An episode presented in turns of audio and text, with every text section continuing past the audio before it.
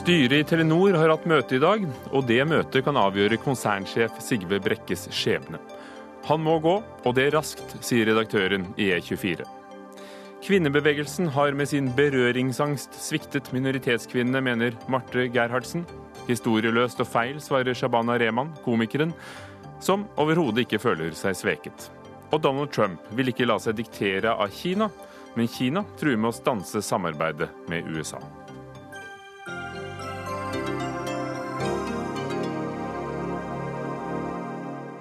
Velkommen til Dagsnytt 18. Akkurat nå sitter styret i Telenor sammen, og enten holder de på ennå, eller så har de akkurat avsluttet styremøtet for å diskutere bl.a. situasjonen og det anstrengte forholdet mellom styreleder Gunn Wærsted og konsernsjefen Sigve Brekke. En konflikt som har versert i mediene i en ukes tid, og som kanskje ender med at Brekke må gå som Telenor-leder. Økonomireporter her i NRK, Tore Tollersrud, du er til stede på Fornebu i hovedkvarteret der styremøtene finner sted. Hva vet du om hva som er blitt sagt og hva som har skjedd i dag? Svært lite. Eh, styremedlemmene kom hit til Telenor på Fornebu i tolvtiden. Eh, siden har de sittet eh, i møte, og vi blir rimeligvis ikke løpende orientert om diskusjonene der. Og så sies det at da når styremøtet er ferdig for dagen, så går de til middag, og vi vet ikke hvordan stemningen på den middagen blir. Men det er i hvert fall slik at uh, temaet rundt konsernsjef og konflikt med styreleder etter alt å dømme kommer på dagsordenen i morgen, for dette er to dagers styremøte. Og først etter at man er ferdig i morgen, så vil uh, utfallet bli meddelt til offentligheten. Hva har gjort denne saken så betent og, og, og fått sånn gjenklang overalt? Ja, eh, det er ikke første gangen det er eh, konflikter eh, mellom styre og eier og konsernsjef i Telenor. Det er jo, dette er jo en veldig stor bedrift i norsk sammenheng. Et av våre aller mest internasjonale selskaper. De har over 200 millioner abonnenter i 13 land. Og det er staten, den norske staten som eier selskapet med 54% av aksjene. Og vi husker jo fra ganske nær fortid at Svein Aaser, en gammel uh, ringrev i norsk næringsliv, fikk sparken av næringsministeren. Og før han igjen, Harald Norvik, som også fikk eh, sparken av daværende næringsminister Trond Giske. Og Det har jo sammenheng med at når staten blir misfornøyd, så er det styrets leder de kan ta. Konsernsjefen har ikke staten mulighet til å, å gripe inn mot. Men her har vi altså fått en konflikt da, mellom styreleder i Telenor og konsernsjef. Og eh, mange mener at dette her eh, kan bare ende på én måte, at én av de to må gå. Det er blitt en ganske spektakulær maktkamp, men hva ligger bak denne konflikten mellom Gunn Wærsted og, og Sigve Brekke? Ja, Gunn Wærsted eh, ble også satt inn av næringsminister Monica Mæland eh, helt på begynnelsen av året, etter da at det har vært en større konflikt da, mellom næringsministeren og daværende styreleder Svein Aaser. og Det gikk jo mye på håndtering av denne store VimpelCom-saken. Så har eh, åpenbart da forholdet mellom Gunn Wærsted og konsernsjef Sigve Brekke surnet til. Det har vært en rekke saker det har vært eh, forskjellige ting. Jeg nevnte VimpelCom, men det kom jo også fram her noen avsløringer om hvordan Sigve Brekke hadde håndtert noen CV-er som skulle tyde på at han hadde vært uhederlig og oppgitt ting feil. Det var ikke en heldig ting for uh, konsernsjefen. I tillegg så verserer det store saker i Telenor-systemet som ikke har fått sin løsning. De er jo tungt involvert i India og taper et, øh, mange milliarder kroner der. og Det er fortsatt ikke klart å finne en løsning på hvordan, for hva de skal gjøre i India. Skal de selge seg helt ut? Eller hvilke andre løsninger skal de, skal de gjøre? Og Det er, blir sagt at det er store strategiske avgjørelser som nå ikke blir tatt. At selskapet er i realiteten handlingslammet pga. denne konflikten mellom styreleder og konsernsjef. Og så får vi se hvem som kommer ut. Det noen, blir det gitt noen uttalelser på slutten av dagen i dag overhodet, tror du? Nei, det er jeg rimelig sikker på at det ikke blir. Som sagt så går de rett fra styremøtet i en middag i disse lokalene her i eh, Telenor Expo, som da ligger ute på Telenors uh, eh, hovedkvarter på Fornebu. Og eh, det er ingenting som tyder på at eh, noen vil meddele noe til, til pressen nå eh, i kveld. Takk skal du ha, Tore Tallersrud, vår reporter på åstedet. Per Vallebrokk, ansvarlig redaktør i E24. Klart og tydelig skriver du i en kommentar i dag at Sigve Brekke må trekke seg, og, at det må skje fort. Hvorfor det? Eh, den enkle og korte forklaringen på det er jo at eh, hans styreleder Gunn Wærsted ikke har eh, tillit til ham. Og så lenge styrelederen ikke har tillit til konsernsjefen, så er det én som må gå, og det er konsernsjefen. For det er the pecking order i norsk næringsliv. Det er ikke sånn som man kan få inntrykk av å lese avisene nå, at det er et spørsmål om konsernlederen har tillit til sin styreleder. Sånn kan det ikke være. Men så får vi også inntrykk av at det kanskje ikke er helt opplagt at hele styret står bak eh, denne eh, mistilliten, og, og kanskje det kunne tyde på at et samlet styre kanskje ikke mener det styrelederen mener? Ja, det er jo litt uklart hva det er som har skjedd her. Men, men, basert på det som har kommet frem, så eh, er det jo eh, ting som tyder på at eh, mange i styret er enig med Gunn, Versted, men at de er ikke helt komfortable med jussen i det. Altså i hvilken grad har har styret i Telenor anledning til å sparke eh, Sigve Brekke. Kanskje også det var derfor eh, det eh, var en samtale på under fire øyne mellom Gunn Wærsted og Sigve Brekke, hvor dette temaet først oppsto. Det blir jo bare spekulasjon, men mye tyder jo på tross alt at Gunn Wærsted, som er en ganske erfaren næringslivsleder, har sørget for å ha tilstrekkelig ryggdekning til i hvert fall å gå inn i det møtet og forsøke å komme til en enighet med Sigve Brekke. Karin eh, Thorburn, professor ved Institutt for finans ved Norges handelshøyskole og forsker nettopp på eierstyring og selskapsledelse. Du har fulgt Telenor i, i lang tid, eh, og, og, selvsagt ikke minst denne uken. Er det opplagt at eh, brekket må gå for deg? Eh, nej, det är inte det. Jag baserar mig bara på den informationen som finns i avisen. Och det är ju styret som bestämmer om de menar att Bräcke är rätt eh, man för att fortsätta. Eh, så, att, så du kan säga att tills styret har deklarerat att de vill att han ska gå så skulle jag säga då må vi anta, utgå från att de har det, styrets tillit, att Bräcke har ett styrets tillit. Men det at det kanskje er en uenighet i, i, i styret, er det, er det et sunt tegn, eller er det, eller er det tvert imot et sykdomstegn? Nej, jag tycker att det är väldigt bra att styremedlemmar har olika synspunkter så oenighet i sig är ju inte alls något problem. Tvärtom egentligen. Ägarna delegerar ju makt till ett styre som är en grupp av människor just för att man vill att de ska ha olika bakgrund, olika erfaring och, och mena olika saker. Men så må ju styret då ha ett professionellt förhållningssätt så att man kan bruka diskussionen till att komma fram till beslut som är förnuftiga. Men oenigheten i sig, det är inte den som är problemet utan Problem kan ju uppstå i så fall om det blir personkonflikter, men det har ju inte vi fått beskjed om at det er noen personkonflikter. Jeg vil si to ting til det. Det ene er at det er ganske åpenbart at det er en om det er en personkonflikt eller hva det er, men en konflikt er det. Fordi det er, det er sjelden eh, vi har denne type saker hvor partene gjør så lite for å avkrefte eh, lekkasjene som i denne. Den andre tingen jeg vil si, det er at mangfold og Eh, i livlige diskusjoner i et styre er bra, men eh, mangfold og uenighet om hvem som skal lede selskapets administrasjon, det er ikke blant de tingene vi kan heie frem i norsk næringsliv. Eva, Eva Grinde, det, et øyeblikk, Torben. Jeg har lyst til å høre med Eva Grinde, som er kommentator i Dagens Næringsliv. For det er jo nettopp din avis eh, som har skrevet at i hvert fall først, at styrelederen ba Brekke om å trekke seg. Og hvordan opplever du situasjonen og konflikten mellom de to? Er det, er det, er det helt sikkert? Wærsted vil at han skal gå? Veldig mye tyder på det, og hun har jo heller ikke brukt noe særlig energi på å tilbakevise eh, den informasjonen. Eh, og jeg er også enig med Valebrokk i at hvis en styreleder går til en konsernsjef, så er det temmelig uvanlig å si at eh, nei, det vil jeg ikke, som han i grunnen gjør.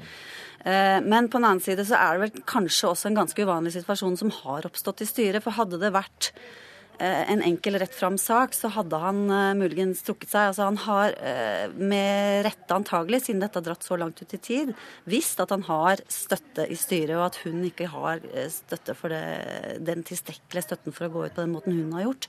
Det er jo derfor man har fått den utrolig kompliserte, fastlåste situasjonen. Mm, og jeg tror Problemet her er litt at du har ikke en smoking gun. Du har ikke én sak som gjør det åpenbart for alle at det er klart Sigve Brekke må gå. Du var mer en sånn slitasje av det tillitsforholdet over tid som, som nå ikke er til å leve med for Gunn Wærsted spesielt. Og da tenker vi på, på et kompleks av, av, saker fra utenlandsinvesteringene?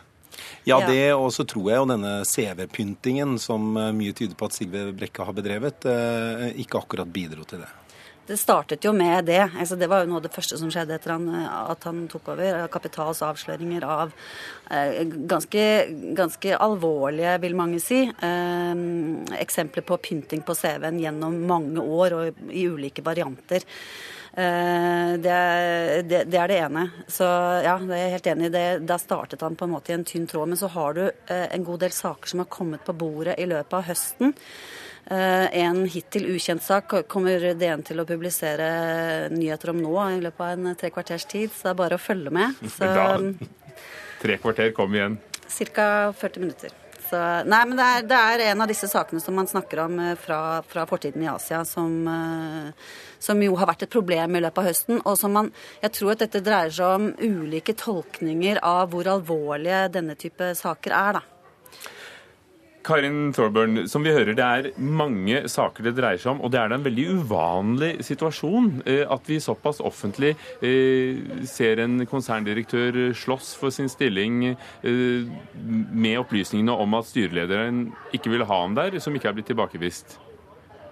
Ja, men altså, jeg kan jo være enig med at en del av de saker som har framkommet i pressen om Brekke, ikke framstår som særskilt fortroendegivende. Men det er jo til, til syvende og sist styrets beslutning som skal råde, og styret er jo tilsatt å foretrede eierne. Og da tenker jeg at styret har informasjon som ikke vi har. Så jeg kan ikke se at jeg skal sitte og second guess hva de mener er det beste for, for bedriften. Utan det som er ovanligt det er at diskusjonen foregår for åpen ridå. Og jeg vet ikke, vi vet jo ikke hvem det er som har lekt, even om jeg har sett at det har vært spekulasjoner om det. Og hadde denne diskusjonen foregått i det tyste, så hadde det jo vært eh, ikke ansett som et problem. Hvem mener du har en interesse av å, at saken er kommet ut på denne måten da, Karin Thorburn? Ja, men altså, jeg, jeg leste jo bl.a. det Hegnar skrev i Finansavisen i morse. da å, der ble du borte. Ja, nå er, du, til, nå er, du tilbake igjen. Du sa Finansavisen, Trygve Hegnar. ja. Eh, ja, Han antyder at det kanskje var Brekke som hadde lekt det. og Det er jo en mulighet for at det er han eller noen i hans omkrets, men det vet jo jeg ingenting om. Du kan si at det er bare et veldig alvorlig problem når konfidensiell informasjon leks til pressen på den måten. Det blir et problem for styret. Ja, Eva Grinde, Hvem kan ha interesse av dere røper selvfølgelig ikke kilde, men hvem, kan ha en, hvem tjener på at denne saken er, er kommet ut? Jeg tror uh, Telenor som selskap uh, kan uh, tjene på det, i, den, i, hvert fall i den grad at man ikke tror at uh, de greier å løse dette her på kammerset. At, uh, at det kan være en, en uh, ganske sånn fortvilelse over den situasjonen som har oppstått. Og det er klart at denne situasjonen er jo ikke noe medieskapt. Det er jo ikke bare fordi man har fått vite om den at den eksisterer. Den eksisterte, og så har man fått vite om den i offentligheten. Eh, det er ikke noe som er skapt av mediene. Men hvordan gagner det selskapet? Jeg vil gjerne legge til, eller jeg vil gjerne støtte Grinde der. fordi For det første, så jeg skal ikke sitte her og reagere på at folk lekker til pressen. Eh, heldigvis gjør folk av og til det. Hva skulle de gjort uten? ja, og, og, og, dessuten så er det jo sånn at eh, det beste, eller i denne situasjonen har jo vart en god stund før pressen fikk vite om den. Det at det nå lekker ut i pressen, er bare med på på en måte intensivere kraften i konflikten. Eh, og sannsynligvis også eh, gjør at eh, konflikten får et utfall, uansett hva det måtte bli, raskere enn ellers. Nå er jeg ganske trygg på at utfallet blir at Brekke må gå på den ene eller den andre måten, og han bør for sin egen del og for Telenor sin del gå fortere snarere enn seinere. Nå er det jo sånn at Aksjekursen i dag gikk opp 0,3% Dette er et selskap som staten er det meste av, men også mange småsparere. Det var jo en folkeaksje da det ble delprivatisert. Men det virker som finansmarkedene ikke er så engstelige, da? Nei, dette er jo ikke noe som nødvendigvis påvirker Telenors uh, fremtidige inntjeningsevne uh, i, vesentlig grad, med mindre det drar ut over lang tid og det uh, lammer styret og konsernledelsens evne til å gjøre riktige og viktige grep for Telenors business over tid. om dette varer noen dager til, det er ikke dette som påvirker Telenors aksjekurs. Karin Thorburn, styret skal også diskutere denne evalueringen av styreleder Gunn Wærsted, eh, som bl.a. Eh, visstnok da har eh, hatt en ivrig hånd på detaljene. må en ikke nettopp ha en detaljkunnskap hvis oppdraget hennes var å, å se på Telenors forhold til sine egne etiske regler? Ja, alltså jag menar att det är jättebra att Wärstedt vill bli informert och att hon brukar tid och kraft på det. Ägarna har ju tillsatt henne med en önskan om att uh, se till att ting går till på riktig måte. Det är klart att hon ska inte vara med och sköta dagliga beslut i, i administrationen men det får vi utgå från att hon inte gör. Men det att hon kräver information, det syns jag är väldigt flott och det ska vi alla vara förnöjda över. Så, så hvem, hvem er den mest usikre, som du ser det, Eva Grinde? her? Eh, jeg tror jeg skal begrense meg til å si at det ser ikke ut som de to kan eh, leve sammen i samme selskap, i hvert fall. Og også deler det at de må komme til en løsning eh, raskt. Men så tenker jeg at hvis Og det som hadde vært lettest, selvfølgelig, hvis du ser på hvordan Monica Mæland si, gjorde slutt med Svein Aaser på ganske effektivt vis ved å ta en liten samtale, så kunne hun ha gjort det også med Gunn Wærsted et par måneder antagelig allerede. Men det har hun ikke gjort. Og det er jo på en måte en indirekte støtte til at til tross for en så håpløs situasjon situasjon, så, så, så, så, er det en støtte til Gunn Wærsted der. Og så reflekterer du også på henne hvis hun for andre gang på kort tid må kvitte seg med en styreleder. Ja. Og likevel, eh, er det for mye politikk? Er det Ja, Karin Thorburn? Ja, jag skulle gärna vilja säga att vi måste huska på at det er styret som tillsätter koncern, eller koncernledaren och inte tvärtom. Ja. Per, per Valbrok, er det for mye politikk i Telenor, som du ser det? Ja, det er det. Altså, jeg, skrev i kommentaren min på E24 i dag at eh, hvis, eh, hvis dette selskapet hadde en, si en Christian Siem eller en Kjell Inge Røkke som styreleder og nei, som største eier, majoritetseier, så ville det ikke sannsynligvis hatt veldig lang tid før Sigve Brekke var ut den døren. Det at denne maktkampen pågår over så lang tid, og at Gunn Versted ikke raskere løser denne konflikten med sin konsernsjef, er nok mye fordi hun har en eier, en majoritetseier i ryggen, som ikke gir tydelige nok signaler, ikke, som ikke gjør at hun er eh, sterk nok i det mandatet hun, uh, hun har, eller mener hun, uh, hun har. Hvis, hvis Næringsdepartementet var som andre majoritetseiere, så ville majoritetseier Næringsdepartementet sagt Gunn, nå holder det, nå må du kvitte deg med Sigve Brekke. Og det litt faderlig fort, for dette gidder vi ikke mer. Er de for redde for å utøve makten? For å, I frykt for å bli, ikke bli sett på som profesjonelle? Det kan nok ligge, ligge, noe der. og De må på en måte, de blir jo også raskt eh, dyttet tilbake hvis de er for frempå. Så, så det er jo en vanskelig rolle å ha. Da. Og som jo er problemet med statlig eierskap i den type selskaper. Ja, det kan man si. Takk skal dere ha. Eva Grinde, kommentator i Dagens Næringsliv, Per Valbrok, ansvarlig redaktør i E24, og Karin Thorburn, professor ved Norges handelshøyskole. Dagsnytt 18 alle hverdager kl 18.00 på NRK P2 og NRK2.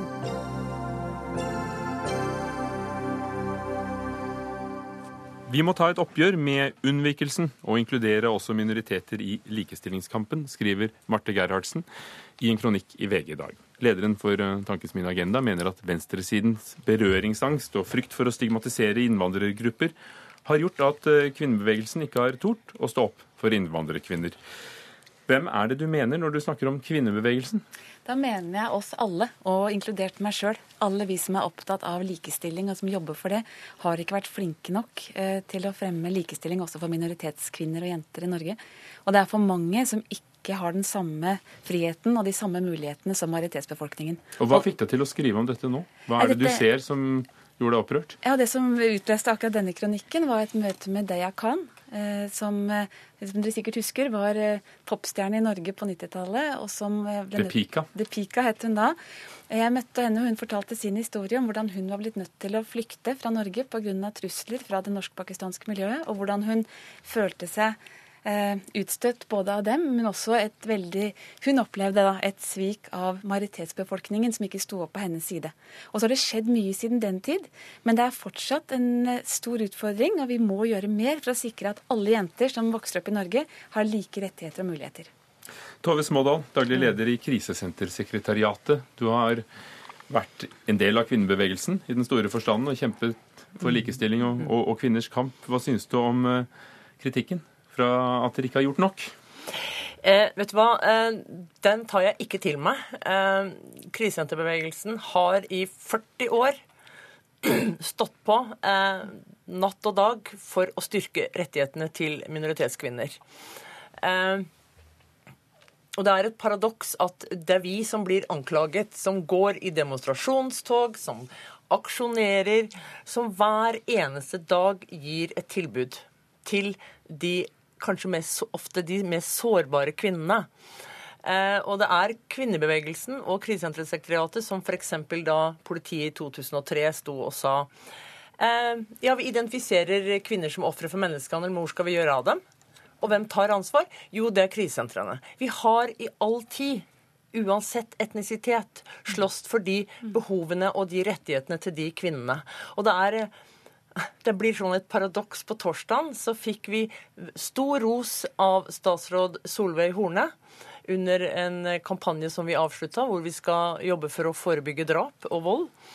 Eh, og så blir du da møtt med VG hvor eh, kvinnebevegelsen har gjort for lite. Norge har ratifisert mange internasjonale konvensjoner. Jeg liker dårlig at man sparker bortover og nedover, for det er politikerne i dette landet som har hovedansvaret for å påse at det fins rettigheter eh, til alle. For hva mer eh, kunne de gjort? Nei, for, det, for, de som virkelig har gjort noe, er jo nettopp krisesenterbevegelsen, som har gjort en kjempejobb hver dag og natt, som du sier, for, for de mest svare og mest, mest, svake og utsatte. Og du roser jo også mange i ja, kronikken din. Ja, og jeg roser jo også dere. Og det som, det som er et paradoks, er jo at selv om dere har jobba så hardt i så mange år, så har dere likevel fortsatt ikke stabil og god finansiering. Og et av forslagene fra Agenda er nettopp at vi er nødt til å bruke mer penger på nettopp krisesentrene. Så er jo ikke krisesentrene som er, er problemet her, men det er nettopp vi eh, Men det som er viktig, er at likestilling og rettigheter for kvinner har jo aldri blitt servert på et sølvfat. Det er blitt kjempa fram eh, fra kvinnebevegelsen og mange andre. Og det jeg etterlyser i min kronikk, er jo at vi, altså alle vi eh, som er opptatt av likestilling, eh, må også være mer opptatt av minoritetskvinners rettigheter. Men hvis du da også, for du sier vi, gikk i deg selv. Hva, ja. hva fant du? Hva, hva, uh, hva, fant du hos deg selv av, av berøringsangst? Men jeg tror nok, hvis jeg skal være veldig ærlig med meg sjøl, og det, det, bør man jo være, så tror jeg nok at jeg også har vært litt engstelig eh, tidligere for å eh, ta tak i utfordringene i majoritetsmiljøer, fordi man har vært redd for å stigmatisere.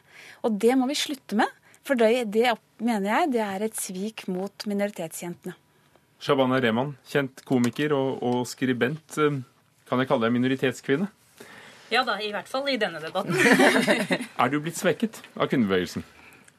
Eh, Overhodet ikke. Eh, jeg er opptatt av nyere norsk feministisk historie, og den har vist en betydelig solidaritet med eh, minoritetskvinnenes likestillingskamp og frigjøringsprosjekt. Eh, problemet som vi har nå sett i det siste med også Amal Aden-debatten som går, er jo at man blir beskyldt for å ikke ha berøringsangst i det hele tatt. At jentene har blitt hørt for mye. At tematikken har fått for mye plass i norske medier. Gi oss en kort faktaboks om Amal Aden. Ja, altså det at man eh, tror for mye på disse frihetskjemperne, at, eh, at det skaper et unyansert bilde av, eh, av, forholdene. Men det er jo også beskyldning om at feminismen har blitt for, for sterk og får for mye plass. Eh, ikke sant? Men kvinnebevegelsen har vist solidaritet. Og eh, min erfaring er fra feltet, da, altså nå jobber jo du på, på Kvinnesenteret, det er, jeg har deltatt i hundrevis av seminarer, likestillingsseminarer opp gjennom årene. Og i lokalmiljøene rundt omkring i Norge, så er det veldig mange både menn og kvinner, feminister med innvandrerbakgrunn, eh, som er veldig oppriktig opptatt av å få fram eh, en raskere prosess av likestillingen. Mm. Og det første de spør, er hva kan vi gjøre? Mm. Det, er, det, er, det, er, ikke berøringsangst som har vært problemet. Sånn at vi må, vi må anerkjenne det. Vi må se at er, vi lever i et land hvor fe, mm. feminismen er sterk, hvor kvinner faktisk blir lyttet til og har fått mye oppmerksomhet for temaene de faktisk har tatt opp. Det er viktig å se. Tove Smådal, kan det være noe i det tross alt at noen er engstelige for å bli stemplet som rasister eh, hvis de tar tak i innvandrerkvinners kår? Nei, altså Jeg liker ikke å snakke om, om dem og oss. Fordi på krisesentrene kommer det også svært mange etnisk norske kvinner som kanskje ikke har behov for å bo. Eh, så når det gjelder dagbrukere, så har vi faktisk flere etnisk norske kvinner. Og vi ser jo også den kampen vi har eh, kjørt for eh, botidskravet, som gjelder de kvinner som kommer gjennom transnasjonale ekteskap. En kamp vi har tatt med minoritetsorganisasjoner, kvinneorganisasjoner. Som vi så nå sist, når de ønsket å øke botidskravet til fem fra tre år så, så, så, organiserer vi oss. Vi, vi, er en del. Og, men er du enig men, med Gerhardsen, hvis du ser bort fra ditt eget arbeid og krisesenteret, er du enig i at det har vært elementer av engstelse? Nei.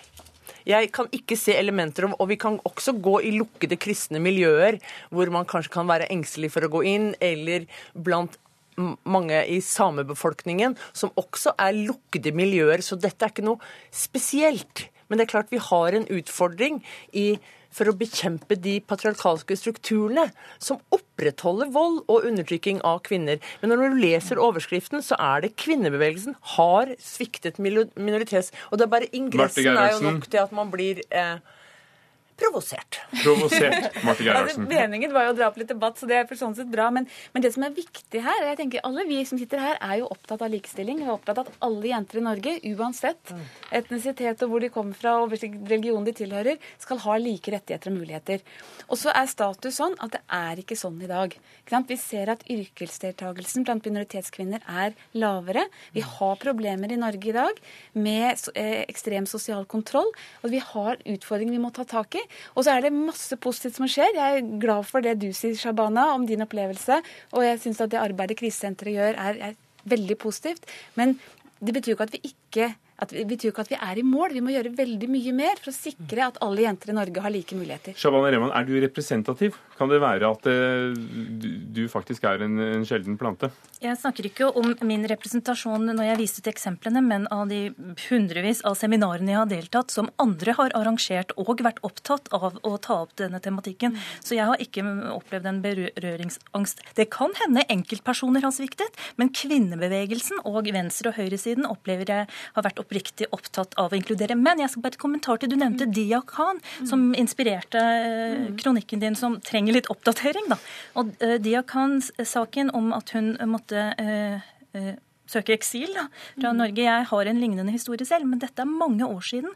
Og de siste 15 årene så har det norsk-pakistanske miljøet eh, beveget seg i, og blitt mye mer åpnere. Sånn at i dag er jo Dia Khan velkommen. I dag mm. møter jeg masse støtte fra pakistanske mannlige og kvinnelige feminister. Så det er noe med at, at kronikken din om sviket ikke er oppdatert. Og, du tenker det, at hun ville blitt heiet på i dag? Ja, altså Hun arrangerer jo sisterhoods, hvor et bredde av multietniske eh, kvinner møter. Menn heier på dem. Det er et helt annet eh, jo, men, klima nå. Men Det betyr ikke at likestillingskampen er vunnet, men det er et annet klima. og Derfor er, er ordet svik og sviktet misvisende. Men det jeg prøvde å skrive i kronikken, var jo at det var jo historien om det jeg kan, og at hun ble sviktet da.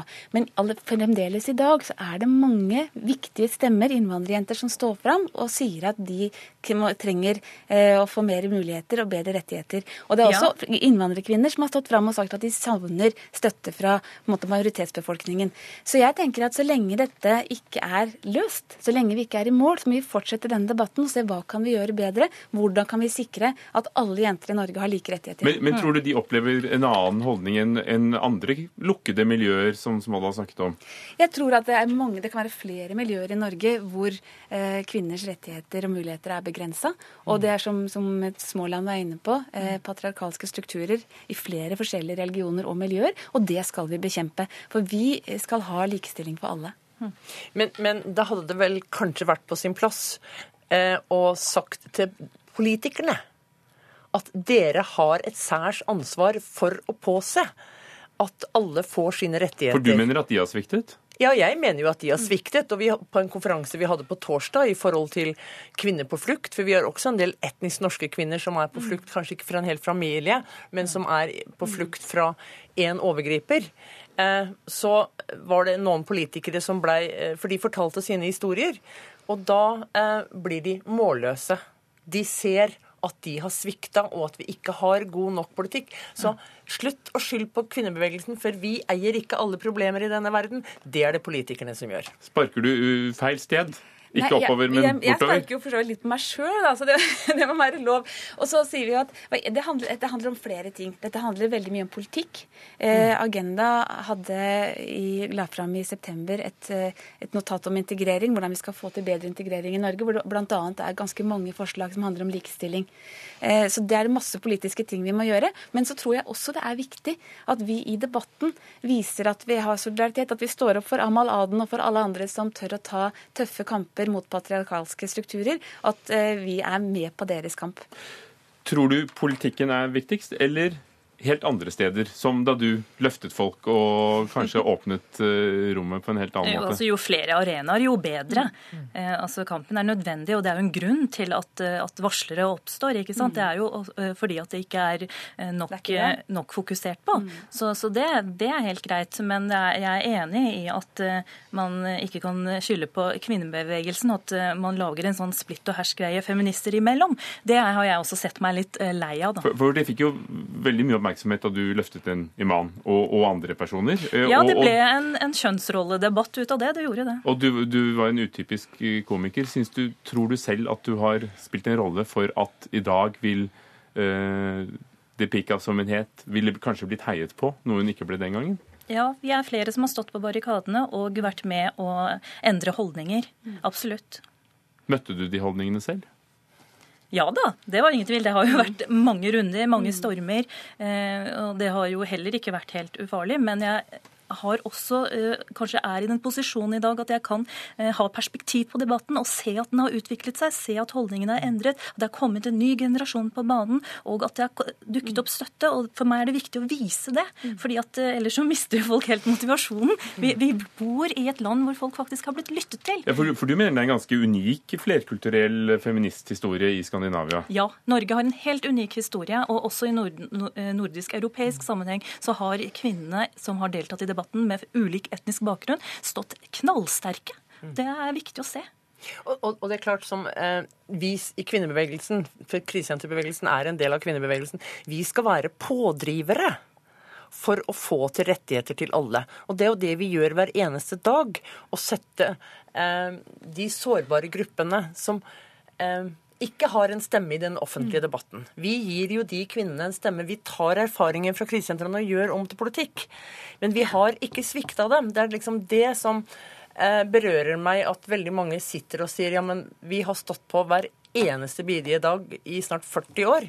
Og så kommer liksom den ingressen som kan gi et sånn inntrykk, selv om det du sier at vi må også ta med oss sjøl. Men vi er pådrivere for å få til likestilling, for det må være målet. Likestilling, der sa du, for menn er vel også ofre for de strukturene som du mener er uheldige?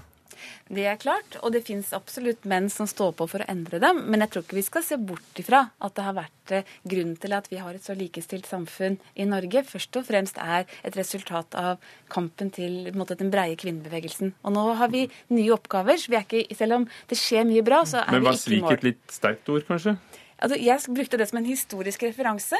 Og det senest i, i mars så skrev jo Istra en kronikk hvor hun kalte, mente at norske feminister hadde sviktet. Så det er jo, så lenge noen mener det, så tenker jeg det er viktig at vi, vi tar debatten. Eh, og vi har mye ugjort foran oss. Hva skal du gjøre nest? Hva er det neste du gjør i debatten? Det er jo å fortsette å stå på barrikadene, som jeg alltid har gjort. Og ikke minst støtte andre stemmer. Som her. Takk skal dere ha. Shabana Rehman, komiker og skribent. Tove Smådal, leder av Krisesentersekretariatet. Og Marte Gerhardsen, leder i Tankesmien Agenda.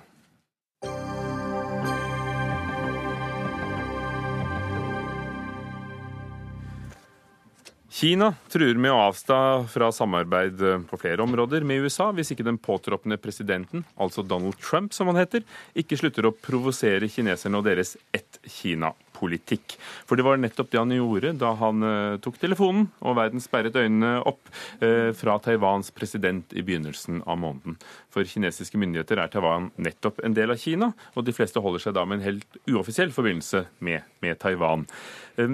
I ettermiddag har Kinas utenriksminister uttalt at de som motarbeider ett-Kina-politikken, de løfter en sten og slipper det ned på sin egen fot. Kristin Dalen, Kina-forsker ved forskningsstiftelsen Fafo. En, en poetisk vending, men hva ligger i det? Ja, det var, det var jo en kinesisk måte å si det på.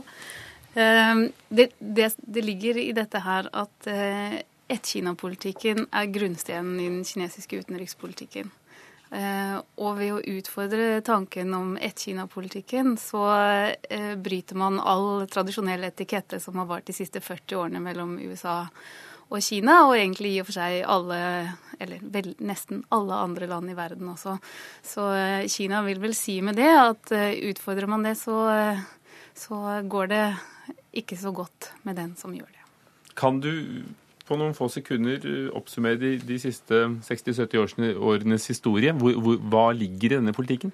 Jeg, jeg, tror For å forstå hva som ligger i ett-Kina-politikken, så må man kanskje gå helt tilbake til slutten av 1920-tallet, hvor den kinesiske borgerkrigen mellom nasjonalister og kommunister brøt ut. Og den varte jo som kjent frem til 1949, hvor kommunistene vant, og nasjonalistene under ledelse av Chiang Kai-shek reiste til Taiwan og etablerte den eh, kinesiske republikken. I fastlandskina, med Beijing som hovedstad, etablerte Mao og kommunistene folkerepublikken Kina. Og eh, frem til 70-tallet eh, så hadde de aller fleste land, USA inkludert, diplomatiske forbindelser med Taiwan og Taipei som det ekte Kina. Og så ble det endret Nettopp fordi USA og andre trengte kanskje en alliert i den kalde krigen og fremover. Så da ble det inngått en doktrine hvor man eh, ble enige om at det fantes bare ett Kina, og Taiwan var del av dette ene Kina. Anders Romarheim, førsteamanuensis ved Institutt for forsvarsstudier. Hva tolker du inn i uttalelsene fra Kina som er kommet i dag, at, eh, at de må avstå fra samarbeid? Eh, det er jo helt klart, som det blir påpekt her, at dette er et eh, markant brudd med amerikansk politikk overfor Kina. Og det er et markant brudd med diplomatisk etikette. Og viser en form for eh, skjødesløshet med å være villig til å kaste rundt på de etablerte ordener i det internasjonale samfunn. Eh, Trump eh, bruker en forretningsmessig tilnærming til utenrikspolitikken foreløpig. Og eh, det er jo nesten utrolig at Midtøsten står nå i brann, som de ikke har gjort det på lenge, med de verste folkemord og den typen ting. Russland bedriver militær selvtekt i Kaukasusområdene og truer rundt omkring, men allikevel så velger Trump da å gå til en aktiv konfrontasjon med Kina på kjøpet, så er det da noen del av verden han ser for seg at skal være stabil og ordentlig. Jeg ville tro han egentlig hadde nok på tallerkenen fra før med de konfliktene som jeg nevnte. For, for helt sånn um, impulsivt var det vel ikke å plukke opp røret? uh, da han ringte for ni dager siden? Det fremstår ikke sånn. Eh, og i valgkampen har han vært veldig tydelig å spille ut på Kina, mens han jo har sagt at eh, Putin er en mektig leder og den typen ting. Det viser et annet grunnleggende trekk ved de utenrikspolitiske uttalelsene hans så langt, nemlig en sammenblanding av handelspolitikk og sikkerhetspolitikk. Han er mye mer opprørt over at Kina har devaluert sin valuta og lurt amerikanerne til dårlige eh, handelsavtaler og den typen ting, enn at Putin annekterer eh, Krim. Kristin Dalen, hvor mye skal vi legge i truslene fra Kina? De, for, for, det er mye, fortsatt usikkert hvilket alvor Trump uh, vil gjøre av det i forhold til hva han har sagt om handelsblokade og, og toll på kinesiske varer. Er det, er det en handelskrig, egentlig? Ikke enda, tror jeg. Jeg, tror det er usikkert hva Trump vil gjøre, og det er også usikkert hva kineserne vil gjøre. Dette, det er viktig å vite at USA og Kina er jo eh, veldig avhengige av hverandre, både når det gjelder eh, handel, ikke minst, men også, også politikk, miljø, klima disse tingene. Sånn at det er et, et, et tett samarbeid mellom de, så, så, direkte brudd vil jo være katastrofalt for både Kina og USA. Nå skal man vite at kineserne vil nok eh, eh, statuere et tydelig eksempel her og, og, si at man skal ikke lefle med helt grunnleggende ting som ett-Kina-politikken. Selv om Trump kanskje ønsker å fremstå som en annen type leder enn det man har sett tidligere. Jeg syns det er interessant at og, og, se på at kineserne oppfatter dette her som, som, uforutsigbart. Jeg tror det er viktig at man har sett andre ting i, i Trumps politikk også som kan fremstå for mange som uforutsigbart. Og for kinesere og i kinesisk kultur så er nettopp det med uforutsigbarhet veldig vanskelig å forholde seg, og dette med kaos og, og sånne ting. Sånn at det, det, faller liksom inn i noe kineserne kunne føle som vanskelig å forholde seg til. Og så skal, jo, skal, jo, også Xi Jinping fremstå som en sterk leder her, så det har et innenrikspolitisk eh, eh et innenrikspolitisk bakteppe også, dette hvordan man reagerer på det Trump har de uttalelsene. Og det har jo kanskje virket også, også, på oss, for Angela Merkel har vært ute i løpet av dagen og, og forsikret Kina og alle andre om at vår tilnærming til, til Kina, det er fortsatt at det finnes ett Kina. Ja, ja. Eh, hvilke forbindelser er det mellom, mellom Tyskland, f.eks. USA og Taiwan under bordet? Uh, jeg tror det er viktig å vite at i hvert fall når det gjelder USA og Taiwan, så har det jo vært ganske, ganske sterke og relativt åpne relasjoner. Det er noe som, finner, som heter The, The, Taiwan Relations Act. Kanskje nå kan det hende jeg ikke husket akkurat hva den het, men som handler om at, at USA skal ha et åpent forhold til Taiwan og kan, kan drive med handel og også salg av våpen til Taiwan innenfor dette her. Så, så forholdet mellom Taiwan og USA har jo vært ganske åpent. Og det har jo også ført til, og det er viktig, at eh, forholdet mellom Taiwan og Fastlandskina har vært inne i en, en, god periode i mange år hvor det har vært eh, en deeskalering av konflikt, og det har vært mye handel og turisme og, og kontakter på tvers av Taiwan-stredet. Og hva gjør det med forholdene mellom Taiwan og, og, og det store Kina eh, at presidenten at hun slo på tråden til Trump? Eh, det blir jo tatt ille opp. Og jeg syns det som sies her om uforutsigbarhet, er et veldig vesentlig element som vi, vi kjenner igjen i mye av det Trump gjør eh, i, på det utenrikspolitiske feltet. Han sier jo aktivt at han ønsker å være uforutsigbar. Han sier at han ikke vil fortelle hva strategien hans for å slå ISIL er, for da vet jo ISIL hva han skal gjøre. Men det er ikke sånn internasjonal politikk fungerer, og det er en, en, en underkjennelse av den anarkiske orden, der ikke vi har noen på toppen som egentlig bestemmer og kan uh, ut, uh, altså, uh, iverksette straffetiltak og sånt. Det, det, er FN som kan gjøre det, men de har, mangler i mange tilfeller kreftene og, og mekanismene til å få det til.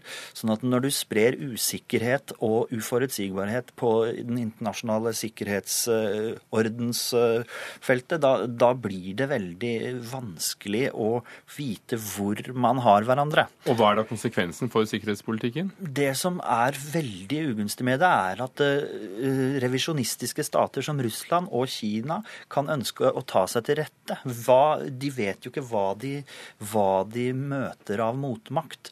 Hvis Putin er usikker på om artikkel 5 i Nato-pakten, som sier at et angrep mot, én mot en er et angrep på alle, hvis han er usikker på om den klausulen vil bli etterlevd av USA, da har han et insentiv til å slå til mens den er mens det er uklarhet rundt det, for den har ligget dønn fast siden slutten eh, av 1940-tallet. Nå hadde vi analytikere som følte seg betrygget på at det står ved lag med, med oppnevnelsen av, uh, av de høye herrer i, Washington? Jeg tror også at den kommer til å stå ved lag. Men, eh, men igjen så, så, vil han holde folk på pinebenken og, og, og la dem vente.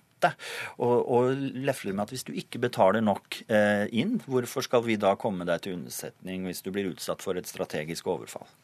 Kan forretningsmannen Trump, eh, når han tiltrer som president, forhandle seg ut av denne Kina-politikken? Jeg tror det er veldig vanskelig. Jeg tror dette er, For kineserne så er det så grunnleggende at deres utenrikspolitikk bygger på et, eh, en ett-Kina-politikk. Det handler jo her i stor grad om Taiwan, men for, for, Kina så handler det jo også om Hongkong, det handler om Macau, det handler i ytterste konsekvens om Tibet og, og Xinjiang og andre deler av Kina som, som, hvor man er veldig oppsatt på at en fast ett-Kina-politikk skal, skal ligge. Så jeg tror det ja, det kan nok bli vanskelig selv for en forretningsmann som Trump å forhandle rundt disse tingene. For du kalte revisjonistiske stater. Hva er det neste Kina som du leser det ønsker å, å revidere?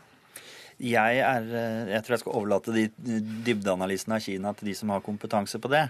Eh, men eh, man, er, man har jo en opptrapping i Sør-Kina-havet der Kina fremstår relativt offensivt. Og, og, nå har du da en amerikansk president som støter allierte fra seg. Vi har filippinske presidenter som reiser til Beijing. Altså det er, det er en del i bevegelse. Og og det er bekymringsverdig. Og jeg vil si det store maktspillet i Asia, det, der øker trykket virkelig på nå. Ja, og Det er jo også interessant at Trump i valgkampen har sagt at han mener at både Japan og Korea bør ta større ansvar for egen sikkerhet i, i, i Øst-Asia. Og ikke stole så mye på USA. Og ikke stole så mye på USA, eventuelt skaffe seg egne atomvåpner, tror jeg også han hadde en uttalelse om. Så det er jo en fare for at situasjonen eskalerer. Og nå får vi vente på å se hva en ny utenriksminister fra USA vil si når eh, den personen kommer på plass. Takk skal dere ha, Anders Romarheim fra Institutt for forsvarsstudier og Kristin Dalen fra forskningsstiftelsen Fafo.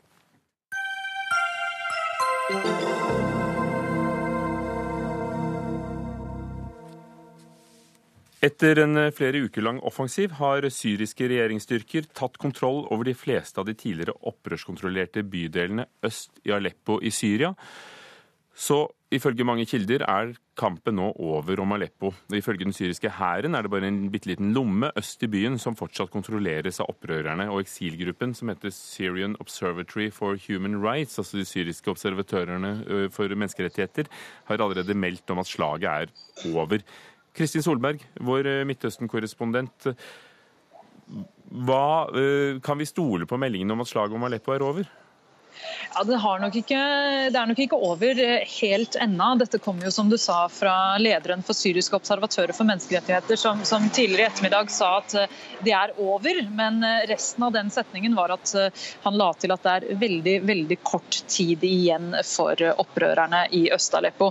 Og hvor kort den tiden er, det, det, vet man ikke. Om det er snakk om timer, dager eller uker, det er, det er vanskelig å si.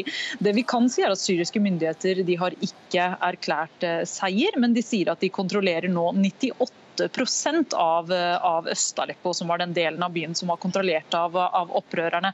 Mens uh, kilder i opposisjonen sier at de har anslagsvis uh, eh, 93% Men uansett så er det jo bare da en liten lomme igjen. Og det, uh, det er et scenario som virket ganske usannsynlig da, da, myndighetene startet denne offensiven i midten av november. Men de siste, siste ukene eller to så har man sett hvilken retning det kom til å gå Eh, og at det ikke lenger er et spørsmål om eh, hvis Assad gjenerobrer Øst-Aleppo, men heller et spørsmål om, når og hvordan det skjer. Aleppo er en stor og viktig by, ganske nær opp til grensen i Tyrkia og ikke så langt fra, fra Libanon, der, der, du befinner deg også, Kristin Solberg. Siden november har ifølge noen tall 120 000 sivile flyktet fra de tidligere opprørskontrollerte områdene. Hvor viktig er det for Assad om, å, å, å sikre seg Aleppo? Ja, Det er svært viktig. Når han tar kontroll over, over hele byen, så betyr det at, at, krigen i Syria går inn i en, i en, helt ny fase. Og Det er en del eh, analytikere som mener at det, det vil signalisere begynnelsen av slutten for, for den væpnede, opposisjonen. Eh, for da vil opprørsgrupper i Syria bare sitte med noen lommer i, eh, av kontroll i, i altså De vil være i Idlib-provinsen i nord og, og, noen lommer i, i provinsene Aleppo, Homs og litt rundt Damaskus. Men, mens myndighetene vil da ha kontroll over liksom de store og sentrale delene av landet og de viktigste byene, som jo er Damaskus eh, og Aleppo. Og, og Vi må også se på det litt symbolske i dette. Altså, det var da opposisjonen tok kontroll over Øst-Aleppo i sommeren 2012, at man for virkelig for alvor snakket om at, at Assad eh, kanskje kom til å falle. og Det var deres største seier til da. Men, men, eh, og nå vil det likeledes være deres største nederlag i, i hele opprøret, når de nå eh, taper eh, Øst-Aleppo. For oss som sitter mer på utsiden, det er jo flere opprørere. Hvem er opprørerne som, som sitter igjen i Aleppo og som har hatt kontrollen der? Ja, Det er jo det myndighetene og Russland eh, kaller terrorister, mens eh, USA kaller moderate opposisjonsgrupper, i hvert fall noen av, noen av dem. Eh, stort sett så er det medlemmer av, av, den moderate koalisjonen Den frie syriske hær, som jo består av mange grupper, men som er en del av den nasjonalistiske opposisjonen som, som har deltatt uh, siden begynnelsen. Så er det også islamistgruppen Ahrar Asham, og i tillegg også en liten del av uh, Jabhat Fatah Sham, som som var tidligere kjent som eh, Jabhat al-Nusra, som var det Al Qaidas gren i Syria, men som selv sier de har brutt med Al Qaida tidlig i høst. Lørdag møttes utsendinger fra flere land i Paris og Genéve i håp om en våpenhvile. Er det innen rekkevidde? Ja, den er ikke, Sjansen for det er, er dessverre ikke, ikke, veldig stor. Uh, opprøret ba jo i forrige uke om, om en fem dager lang umiddelbar våpenhvile. Uh, og I helgen så sa også deler av opposisjonen at de vil forhandle med myndighetene helt uten forbehold, men det er bare blitt uh, ignorert. president Assad har utelukket helt en, en, våpenhvile, og nå er han så nærme militær seier at han nok ikke har noe særlig intensiv til til å gjøre det. Men det som kan ligge i kortene, det er en avtale der eh, opprørere og sivile blir evakuert ut av byen til, til et annet opprørskontrollert eh, område. Eh, det er noe USA og Russland har snakket om, om en stund. På den måten så kan myndighetene erklære seier over hele byen, samtidig som, som da de gjenværende opprørerne og sivile får trygt lede ut. Men foreløpig så er det, er det heller ikke noe tegn til, til det. Takk skal du ha, Kristin Solberg, vår Midtøsten-korrespondent, om eh, tilstanden i Aleppo. Hør Dagsnytt 18 når du vil. Radio NRK Radio.nrk.no.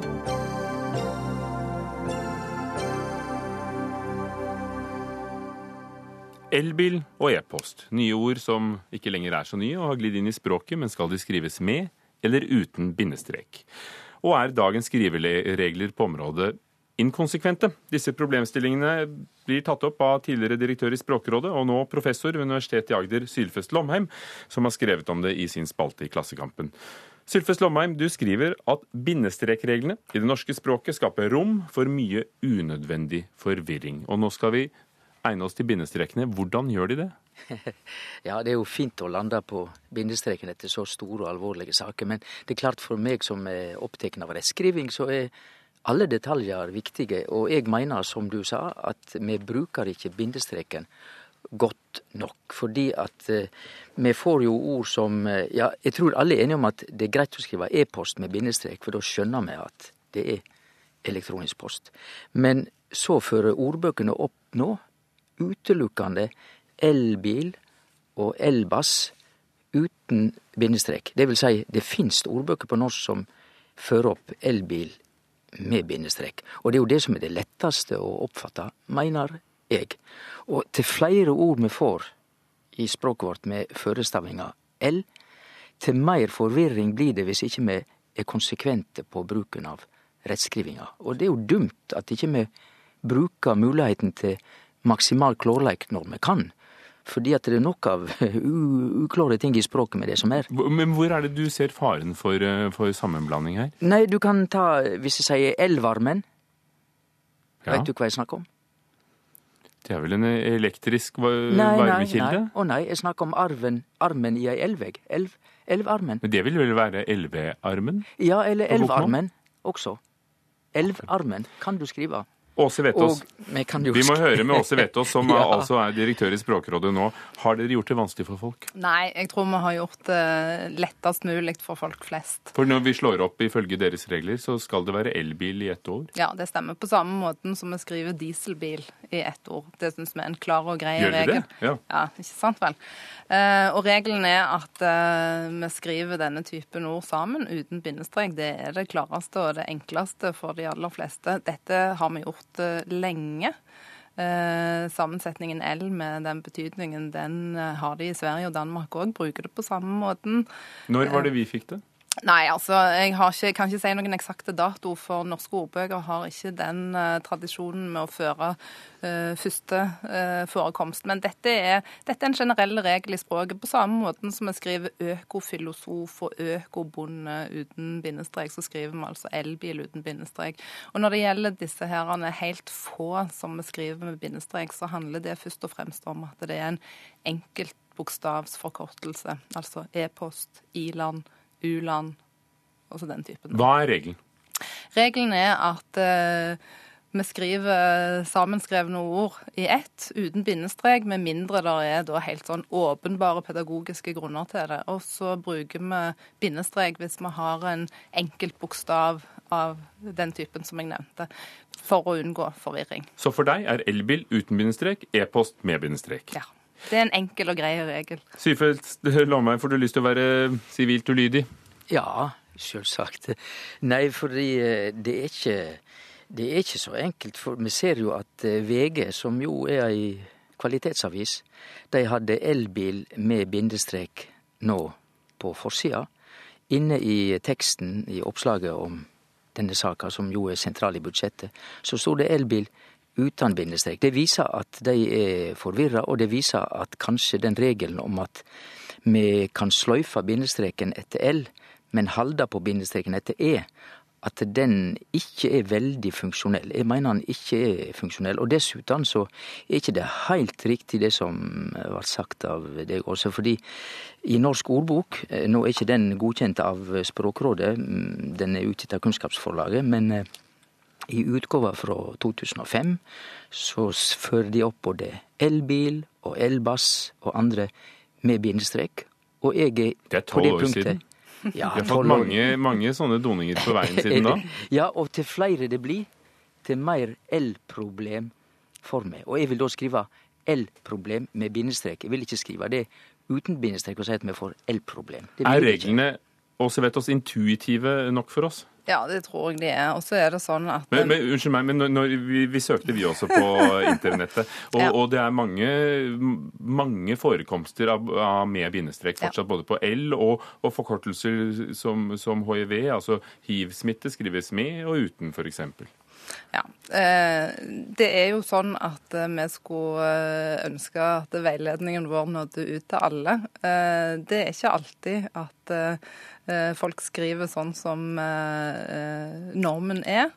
Men, eh, men, det er dette som er vår veiledning til, uh, og tilbud til de som ønsker å skrive et uh, korrekt norsk. Og så hører jeg at uh, mm -hmm. Sulfest har lyst til å være sivilt ulydige på det punktet. Og det er klart at det kan han være, men da vet han at han bryter rettskrivingsreglene på det punktet. Men når vi har ordbøker som, som da sier forskjellige ting, mm. selv om ikke alle er godkjent av Språkrådet, lever du godt med som språkdirektør at vi har forskjellige gangbare skrivemåter, eller skrivemåter som blir brukt?